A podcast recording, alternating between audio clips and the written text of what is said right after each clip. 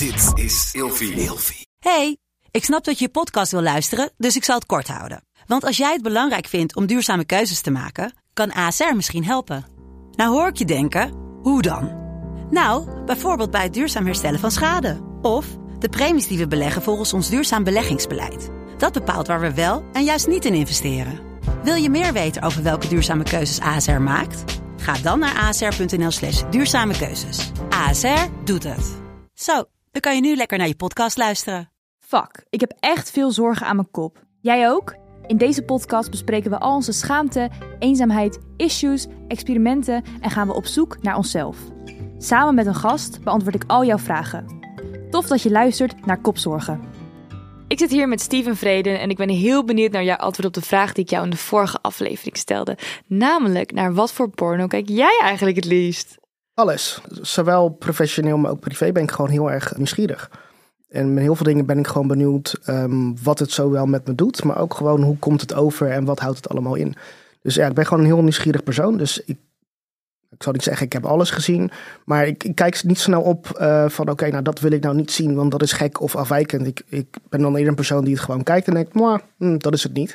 Dus ik heb wel heel veel gezien. Ja. ja, maar nu benader je het heel erg vanuit een expertsperspectief. Maar ook persoonlijk. Ja, maar ik wil, ik wil weten, wat doet het voor jou persoonlijk? En dat kan niet alles zijn. Dat is waarschijnlijk wel echt wel... Nou ja, ik kan me niet voorstellen dat het alles is. Nou, het verschilt heel erg van de, de reden waarom ik op dat moment kijk. Ik bedoel, is het gewoon omdat ik het op dat moment leuk vind... of omdat ik samen aan het kijken ben of alleen... Uh, dat kan zijn dat ik soms denk van oké, okay, nou het mag uh, even lekker hard zijn en gewoon snel gaan. En soms kan het zijn een verhaallijn of meer in het kader van taboes of vettetjes. En dat kan ook per keer eigenlijk weer verschillen. Eigenlijk bijna net met eten. Elke dag heb ik wel trek en elke dag heb ik honger, maar elke dag is het weer wat anders. Ja, ik vind samenkijken ook zo interessant, maar daar hebben we zo meteen een vraag, vraag over, dus die bewaar ik nu eventjes. Ik heb een stelling voor jou. Porno kijken is goed voor je seksuele ontwikkeling. Ja, ben ik mee eens. Lijkt een beetje tegenstrijdig met wat we eerder aan kunnen geven, want er zijn wat haken en ogen. Maar ik denk dat het, um, het is gewoon een onderdeel van je seksuele ontwikkeling. Wanneer je gewoon nu kijkt, wanneer mensen ouder worden en van fase naar fase gaan, is dit gewoon een onderdeel is uh, wat er zeker bij kan komen. Dus als je dit hoort en je kijkt porno, ja, het is normaal. Ja, het is oké. Okay. Alleen er zijn gewoon wat haken en ogen. Um, we hebben het in de vorige aflevering hebben we het ook even gehad over uh, de impact die het kan hebben. Voor het feit dat je bijvoorbeeld meer opgewonden kan raken van het kijken van porno dan dat je kan hebben met seks met je partner. Kijk, wanneer dat echt aanwezig is, dat je merkt gewoon, ik kan niet meer met mijn partner zijn, ik raak er gewoon niet opgewonden van. Ja, dan is het gewoon echt een, uh, gewoon een alarmbel. En dan is het gewoon een reden om met een professional in gesprek te gaan. Omdat het dan dusdanig uit balans is. Maar is dat een veel voorkomend ding dan? Het komt, laten we zeggen, steeds vaker voor. Uh, ten opzichte van uh, misschien wat jaren geleden. Kan zijn dat er meer onderzoek naar wordt gedaan, waardoor het gewoon wat meer op de voorgrond komt. Maar het is een onderwerp wat vaker ter sprake komt. Maar dat lijkt me wel heftig. Weten ze ook of het dan eerder uh, bij vrouwen ligt of bij mannen? Dat, dat daar een verschil tussen zit? Of is dat niet, niet bekend? Zover ik weet is dat niet bekend. Maar wat je wel vaker hoort is dat mannen in ieder geval dit aangeven. Ja. Maar het, ja, het komt steeds vaker voor. Ook bij, bij mannen op relatief jonge leeftijd. Dus ben je 18, 19, 20 en merk je nu al, hey, ik zit in een relatie. Maar ik heb meer behoefte om porno te kijken dan dat ik bezig ben met mijn partner. En niet gewoon een keertje of af en toe. Maar ik raak gewoon niet meer opgewonden van mijn partner. Ja, trek dan aan de bel. Maar het kan dus ook zo zijn dat ze gewoon echt geen seks meer willen hebben met hun partner. Omdat het, dat ze dat gewoon niet meer kunnen. Ja, gewoon niet meer kunnen. Om, de kan zijn door de, de verwachtingen die ze denken dat de partner van ze heeft. Of die, die zij van, van hunzelf hebben. Maar ook gewoon de overmaat aan prikkels. Wat is er soms voor nodig om opgewonden te kunnen raken? Ja. Um, en als je dan het idee hebt dat je allerlei capriolen uit moet halen, want dat is pas de norm. En anders raak je vrouw niet opgewonden. En je hebt zelf het idee van ja, maar dat gaat mij bijvoorbeeld allemaal niet lukken. Of uh, het is voor mij niet in staat op het moment dat mijn partner contacten zoet gelijk een erectie te kunnen krijgen. En het een uur lang vol te kunnen houden. En twee, drie keer achter elkaar te gaan. Ja, dan is het niet heel gek dat je denkt, nou ik ga er niet eens aan beginnen. Oh, maar ik kan me dat eigenlijk wel echt heel goed voorstellen. Dat als je porno kijkt en je zit in je eentje, ben je gewoon lekker met jezelf bezig. Je hoeft er ja. niet na te denken. Je kan gewoon stoppen, je kan doorgaan wanneer je wil. En als je met iemand bent dan moet je aan bepaalde verwachtingen voldoen, voldoen, voor je gevoel. En dan denk je, oh, maar hoe please ik dan iemand? En la la la. En dan kan je veel meer in je hoofd zitten, waardoor je dus bijvoorbeeld inderdaad moeite hebt met het krijgen van een erectie of moeite met het krijgen van zin überhaupt. Ja. En ja, ik, ik vind dat, ik, ik kan me dat wel ergens wel voorstellen, maar het is wel shit dat dat een probleem is, wat dan steeds groter aan het worden is. Of inderdaad dat er nu meer onderzoek naar wordt gedaan. Dat is trouwens eigenlijk best wel goed. Want daardoor wordt het ook weer genormaliseerd. Wat Zeker. we ook in deze podcast heel graag willen doen. Maar kunnen we het ook even hebben over de ethische kant van porno? Want ik was deze aflevering aan het voorbereiden. En ik was op een paar pornosites aan het kijken. En ik dacht, is porno überhaupt wel ethisch? Ehm, ik denk niet dat alle porno even ethisch is. Ehm, net zoals we verschillende zeiden, het hangt heel erg af waar je de porno eh, nou, niet alleen vindt, maar ook gewoon wat voor soort type porno je bekijkt.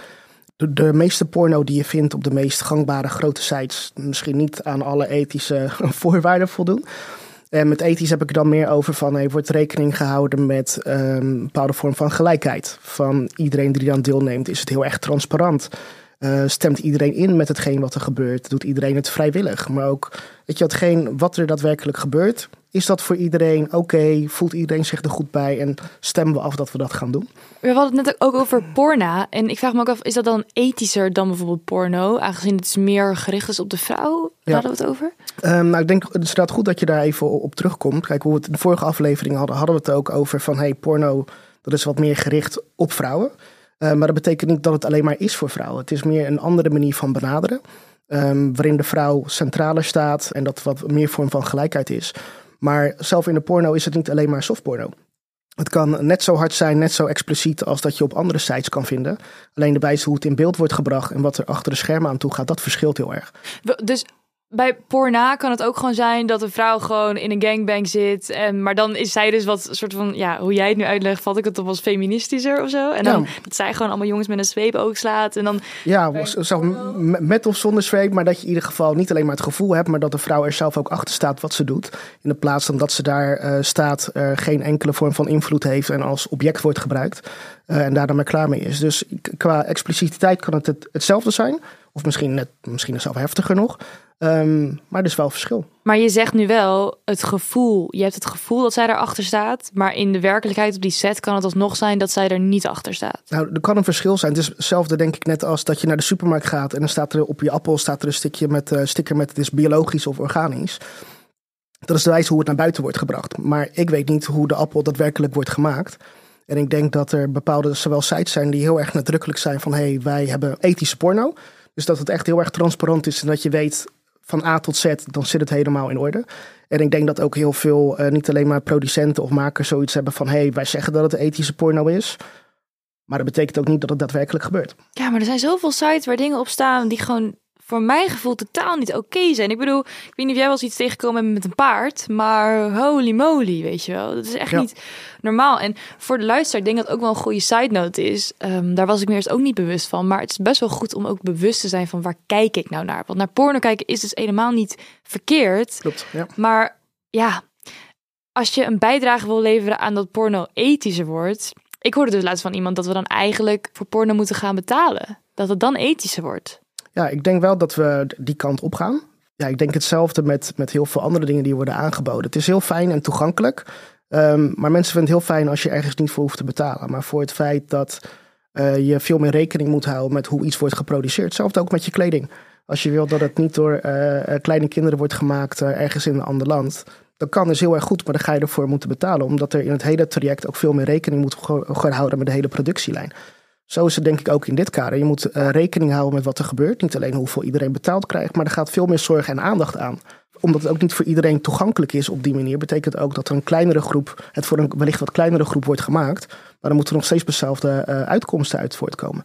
Dus ja, wordt ervoor betaald, dan is het steeds makkelijker dat die goede vorm van ethische porno ook eh, steeds meer en steeds vaker gemaakt kan worden. Ja, maar dat is met kleding. Weet je, ik kan wel een sustainable trui kopen, maar als dat 100 euro is en ik leef van een studiefinanciering en ik heb het niet, dat vind Ja. ik met porno ook. Dan denk ik, ja, ik wil wel, tuurlijk wil je dat het ethischer wordt, tuurlijk wil je bijdragen aan het milieu en al die andere dingen, maar als Ja. je het niet kan betalen, kijk, ik weet niet hoe duur die abonnementen zijn. Het is toch, toch iets makkelijker om, ja, gewoon iets op te zoeken, even snel, bla bla bla, in plaats van een abonnement aan te schaffen van, laat maar zeggen, 20 euro per maand of zo. Ja, makkelijker is het zeker. Ik denk dat ik kan er heel weinig tegen inbrengen, want dat is de afweging die er vaak wordt gemaakt. Maar dat is denk ik ook het gevolg waarom het voornamelijk nog gaat zoals dat het gaat. Dus weet je, willen we dat er echt een verandering in komt. En niet per se dat je de hele eh, ethische porno-industrie moet, eh, moet gaan sponsoren door, door, door een abonnement te nemen. Maar heb je echt die voorkeuren, vind je dat echt van, van belang? Ja, dan, dan staat er iets tegenover. Ja, Maar ik, ik, weet, ik weet nog wel dat ik een filmpje keek van uh, Spuiten en Slikken. En er was een interview met een pornoacteur. En Mhm. dat was zo interessant om naar te kijken. Ik zal de video even in de show notes zetten. Want die guy vertelde dus hoe het dan gaat op zo'n set, weet je wel.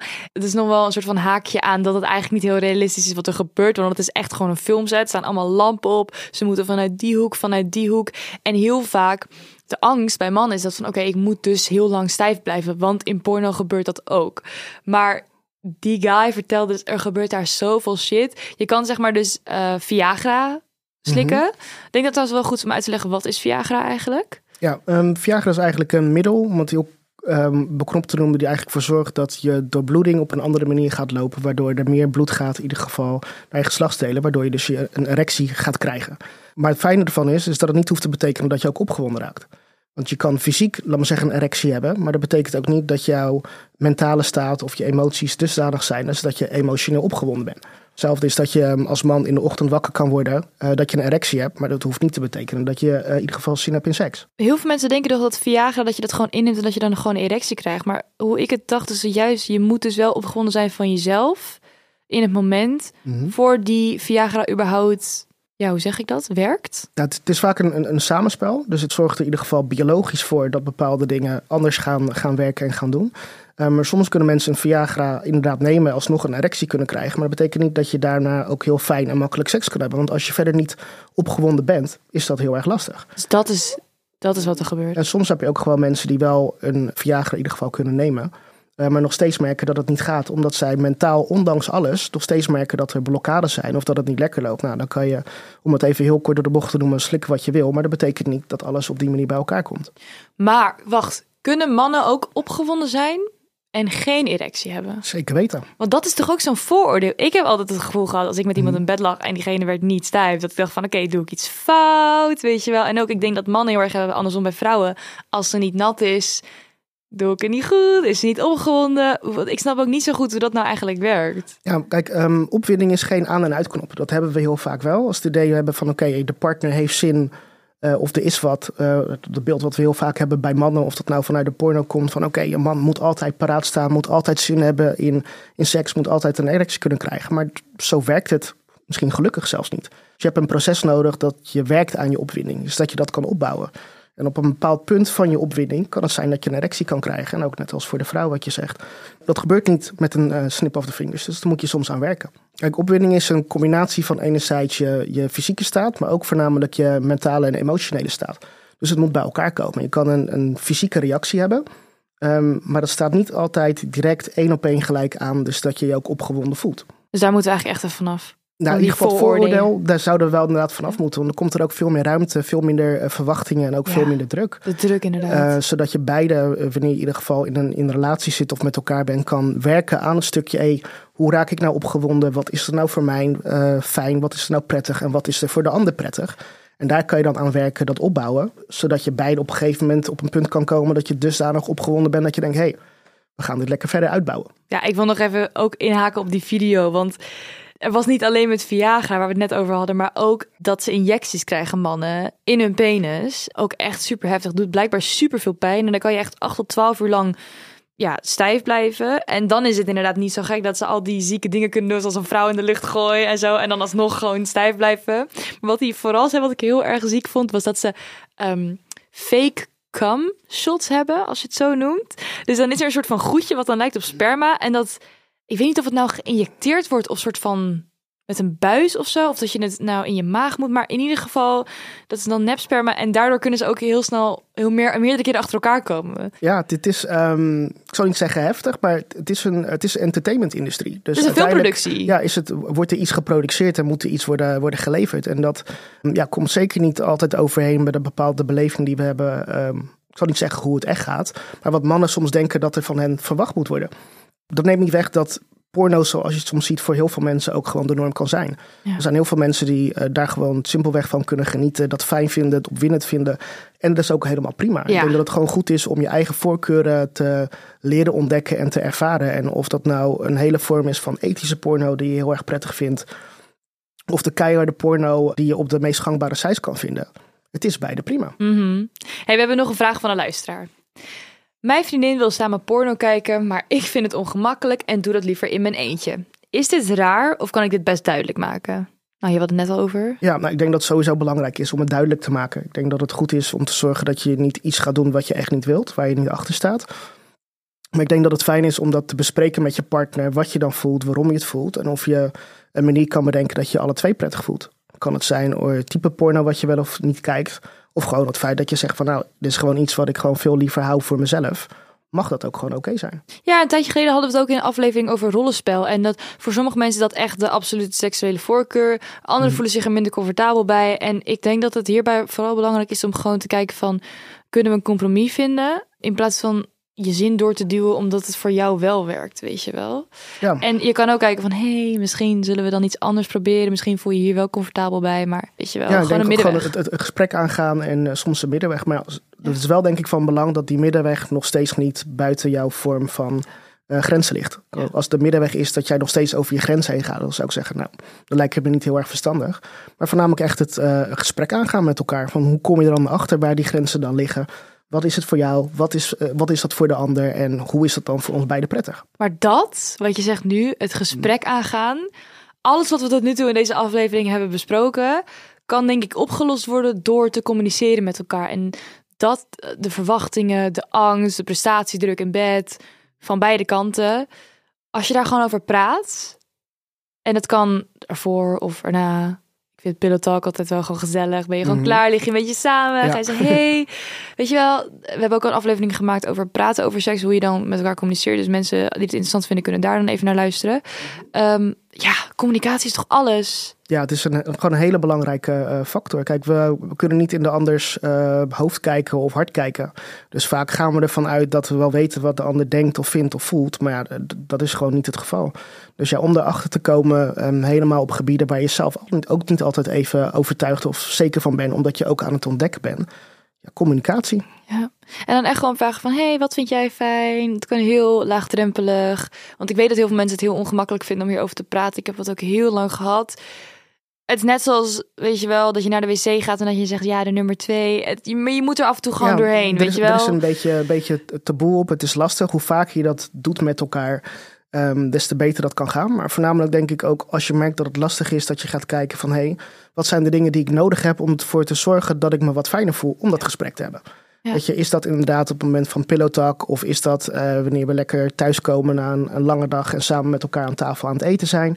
Weet je, wat heb je ervoor nodig om dat uh, gesprek aan te gaan? Ja, en ook het is ook fijn als die persoon met wie je dat gesprek voert ook daar open voor staat. Dat kan ook zeker verschil maken. Ja. Hey, we gaan de aflevering al bijna afsluiten, maar voordat we dat gaan doen, weet je, ik heb tijdens de voorbereiding van deze aflevering mhm. dus wat porno-sites bezocht. En ik dacht misschien wel leuk om voor ons om een verschil te bekijken tussen porno waar je voor betaalt en porno waar je niet voor betaalt. We hebben dus de site Cheeks hier voor ons. En mhm. daar betaal je dus per maand, wat was het, 15 euro? 15 euro per maand voor. En dan krijg je dus allerlei soorten content aangeboden. is overigens geen, geen sponsor hoor, maar ik vind het gewoon leuk om het verschil te bekijken. En dan hebben we ook, wat is dit? YouPorn. Ik zit hier nooit op. Maar wat, waar zit jij normaal op? Welke sites? Xvideo's, Pornhub of eventueel andere sites die wat meer um, diversiteit aangeven. Maar geen betaalde of wel? Nee. Ja, want ik zit dus op Bellessa of zo. Dat is volgens mij wel gericht op vrouwen. Al kan mhm. het ook af en toe nog wel hardcore zijn. Dus ook niet betaald. Maar laten we gewoon even... Oké, we gaan eerst naar YouPorn. Ja. Ik, oh, het is ook niet echt. We zijn ook helemaal niet in die stemming nu om dit te gaan kijken. Maar, oh. dat is eigenlijk mijn nieuwsgierigheid. Want ik kijk dan wel, maar ik, ik hoor je zoveel geluid. Wat is dan hetgeen wat er dan bij jou gebeurt? Is dat, is dat walging? Of is het omdat het zo expliciet is wat er staat? Nou, ik vind sowieso die penis die we nu zien, vind ik heftig. Die ja. Eh, ziet er ook niet heel esthetisch uit. En dit, volgens mij is dit een soort van sperma op een vrouw gezicht. Ja. Uh, weet je, het is best wel, het is heel erg in your face. En ik hou daar gewoon niet zo van. En ik word daar, ik, ik heb ook heel erg de neiging om weg te kijken nu. Omdat ik, kijk, maar dit is toch ook, wat is dit? Ik zie heel veel um, expliciete beelden met mensen die in ieder geval... Uh, in allerlei dingetjes bezig zijn met elkaar. In, in de hoop dat, uh, dat ik er opgewonden van moet raken. Maar, maar raak jij hier opgewonden van als je dit ziet? Nou, dit, dit zo niet zeker. Nee. Oké, maar wat zou je aanklikken als je hier naar zou kijken? Welke zou je hier aanklikken? We gaan het niet echt aanklikken. Kijk, het hangt altijd een beetje af van de bui. Maar ik zou, uh, ik zou deze aanklikken. Ja, dat zijn allemaal... Oh, nee, nee, nee, nee, Oké, wacht. Het waren allemaal chickies naakt in een club of zo. Wat is dit? Een soort van huis of was eh, denk ik een heel leuk feestje. een soort van orgie lijkt het een beetje op. Oké, weet je wel, ik ben klaar met YouPorn. Laten we naar Cheeks gaan. Nou, ik vind sowieso de homepage al een stuk rustiger. Maar als Ja. je naar beneden scrolt, zie je wel gelijk... eh, het is ook wel een beetje in your face. Woehoe. Het is nog steeds heel erg in je face. Ik vind het eigenlijk ook best wel in your face. Maar het is iets minder... Ik vind het wat minder, wat minder goedkoper uitzien. Ik de, de website mooier is gemaakt of de afbeeldingen zelf die je De ziet. afbeeldingen die je ziet. Ik weet niet of jij het daarmee eens bent. Maar ik vind het eigenlijk nog wel, ook wel expliciet hoor. Kijk, het, het ziet er voor, voor mij in ieder geval wat rustiger uit. En wat voor mij in ieder geval opvalt is dat als je naar alle categorieën kijkt waar je dan op kan klikken, is dat de afbeeldingen meer wat getekend zijn, waardoor het wat, wat rustiger en wat kunstzinniger overkomt. Maar als ik dan kijk naar ehm, de actie zelf, dan, dan is het net zo heftig als, eh, Oké, wacht. Ik ga de niet website kijken. Oké, even kijken. Je hebt allemaal categorieën dus. Watch, listen, workshops. Ik klik even op die workshops. Mhm. Educate, train, sensual domination, sign up. Kan- je dan gewoon... Oh, het is online. Oké. Ja. Oké, maar oké, dat heb je denk ik ook niet op normale porno Ik weet niet of YouPorn dat heeft. Wacht, ik klik even terug. Gay porn, Ik denk shop. niet dat het daar... Ik denk het ook niet. Dus dat vinden. is, dat is al extra. Creators. Oh, dit zijn gewoon de mensen die het... Oh, dit zijn acteurs. Ja. Oh, nice. En dat is denk ik het, wat ik mooi vind in ieder geval aan die betaalde site. Is dat er dus naast een stukje ehm, entertainment, in ieder geval alle afbeeldingen die, je, ge- afbeeldingen die je in ieder geval kan zien in alle video's. Dat er ook een stukje wat gericht is op, op educatie. Dus naast hetgeen wat je allemaal wel of niet ziet. Van hoe kan je dan ontwikkelen, vaardigheden aanleren. Of gewoon iets ontdekken wat je nog niet eerder hebt gedaan. In een, ehm, denk ik in een veilige setting. Ik vind het heel nice, want Ja. ik vind het iets minder in your face en het, is, het voelt ook wat, wat vriendelijker of zo. Mhm. Maar ik vind 15 euro per maand dan wel voor mij toch veel, omdat ik ook niet super veel porno kijk. Ligt er ook een beetje aan als je nou echt veel kijkt, is het wel meer denk ik het waard. Maar als ze nou bijvoorbeeld een, een, een day-pass doen of zo, dat je dan voor 1 of 2 euro gewoon even... Ja, maar waarschijnlijk als je dan een paar keer per maand krijgt. Dan ben je waarschijnlijk nog steeds over die 15 euro heen. Maar, Maar, maar ik misschien kijk kan echt je het, weinig, hè? Ja, misschien kan je het net als, eh, als Netflix kijken in je omgeving wie dat ook zou bevallen. En dan, dan, Ga je het gewoon delen? dan deel ik. Nou, ik ken heel weinig mensen die niet hun Netflix-account eh, delen met een ander of Spotify. Dus misschien is dat een stap wat misschien ehm, alle producenten niet zo fijn vinden als ik het zou zeggen. Maar wil je voor jezelf de stap eh, kleiner maken en misschien wat meer mensen ook hierbij betrekken om te, om te laten zien van hey, het kan ook op een andere manier. Het kan leuk. Het kan een vorm zijn van entertainment, van educatie. Ehm, ja, probeer het. Ik vind het ook wel leuk, want als je dit met je vrienden ook gaat doen. Kijk, wij doen het nu live in de podcast aflevering. Ik heb eigenlijk nog nooit samen met iemand, denk ik, zo door sites gescrolld. En zo erg observeren wat we zien. Maar ik vind het wel heel leerzaam. En het haalt ook een beetje dat stigma eraf, weet je wel. Dus nu kunnen wij er gewoon heel chill over praten. Ja, zeker. En daarom vind ik het ook heel fijn dat je ook gewoon de podcast doet. Omdat dit soort dingen gewoon bespreekbaar kunnen zijn en kunnen worden. En dat het gewoon leuk kan zijn, luchtig kan zijn. Je kan er wat van leren en je kan er ook gewoon heel veel plezier aan beleven. Ja, nou laten we de laptop weer dicht doen. Voordat je toch overprikkeld raakt. Ja, ik, het is, weet je, ik weet niet hoe laat het is, maar eh, het is niet, niet helemaal de vibe nu. Maar ik vond het wel heel leuk dat we dat hebben gedaan. Ja. En ik ben ook heel blij met deze aflevering. Wil je sowieso bedanken? Ja, bedankt dat je me hebt uitgenodigd. ook. Ja, ik vond het heel chill. Ja. Ja. Ho, wacht even. We willen nog één ding duidelijk maken over erectiemiddelen. In de vorige aflevering van Kopzorgen was seksuoloog en psycholoog Nienke Nijman te gast. En ik heb haar gevraagd om nog iets meer duidelijkheid te geven over erectiemiddelen. Ja, want als we het over erectiemiddelen hebben en specifiek de erectiepillen, dan hebben we het ook wel over wat we noemen PDE5-remmers. En PDE5, dat is een stofje wat je lijf aanmaakt. En dat stofje dat wordt aangemaakt als je angstgedachten hebt, als je pijnprikkels krijgt of als je een orgasme hebt gehad. Dus stel jij hebt seks en je hebt een orgasme, dan maakt jouw lijf het stofje PDE5 aan en jouw erectie neemt af. Iets wat we allemaal helemaal niet erg vinden, want als je eenmaal een orgasme hebt gehad als man zijnde, is het prima als je erectie afneemt.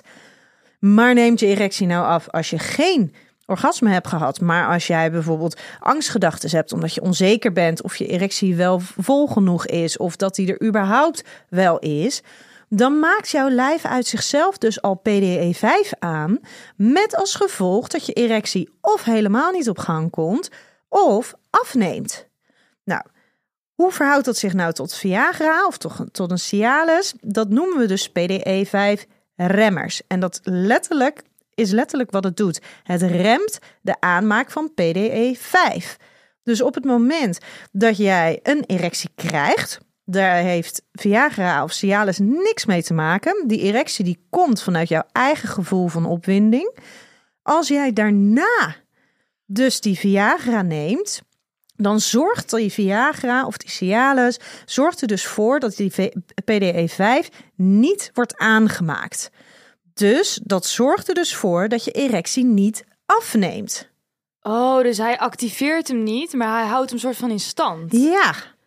Door ervoor te zorgen dat er een stofje dat ervoor zorgt dat hij normaal gesproken dus afneemt, door de aanmaak van dat stofje te remmen. Maar wat nou als je denkt, oké, eh, ik neem er gewoon drie, dan weet ik zeker dat het goed gaat. Oeh, ja, dat zou je denken. Um, in sommige gevallen kan het goed gaan. Maar het is absoluut geen aanrader. Want wat het risico is bij, bij erectiepillen, maar ook bij andere erectiemiddelen, en zeker als het niet op voorschrift is, is dat die erectie helemaal niet meer afneemt. En dat is wel echt een risico. Want moet je je voorstellen, nou ja, bij een ander lichaamsdeel, bijvoorbeeld bij je vinger, en je hebt een ring om die te strak zit. En daardoor loopt de bloedtoevoer niet meer goed terug. Want dat is wat er gebeurt met een erectie. De, de, de bloedvaatjes die vernauwen, waardoor het bloed niet meer terugloopt. En als je dan een erectie hebt voor langere duur, dus je denkt even aan je vinger die voor langere duur afgekneld wordt, waarbij voor langere duur dat bloed niet terugloopt, die sterft gewoon af.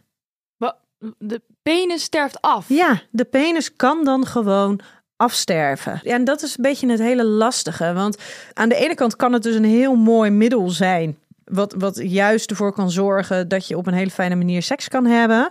Maar het recreatief gebruik ervan, want voornamelijk daar zien we het misgaan. Ja, daar zitten echt wel kanttekeningen aan. En dat zal niet gebeuren als je een keer Viagra neemt, een keer Cialis. Maar als jij op een gegeven moment echt zenuwachtig bent, of je hebt een feestje en je hebt drugs op en je denkt, ja, ik neem er gewoon een stuk of vijf, want dan gaat hij het tenminste doen. Daar zitten gewoon wel echt risico's aan vast. Ja, ik heb het gevoel dat hier nog zoveel over te zeggen valt en zoveel over te vragen. Dus ik heb ook zoiets van, we moeten hem gaan afronden. Maar voor de luisteraar, als ze nou meer informatie willen over dit soort dingen, waar kunnen ze dan terecht? Oh ja, je kan overal dingen vinden. Wat ik wel zou doen, is als je gaat zoeken, ga naar medische sites op zoek.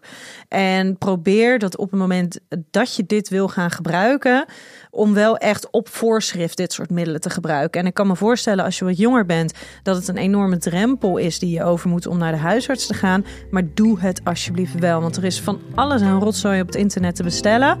Maar blijf daar alsjeblieft vanaf. Oké. Nou, dankjewel voor je uitleg in ieder geval. Graag gedaan. En voor de luisteraar, dit was Kopzorgen. Tot de volgende keer.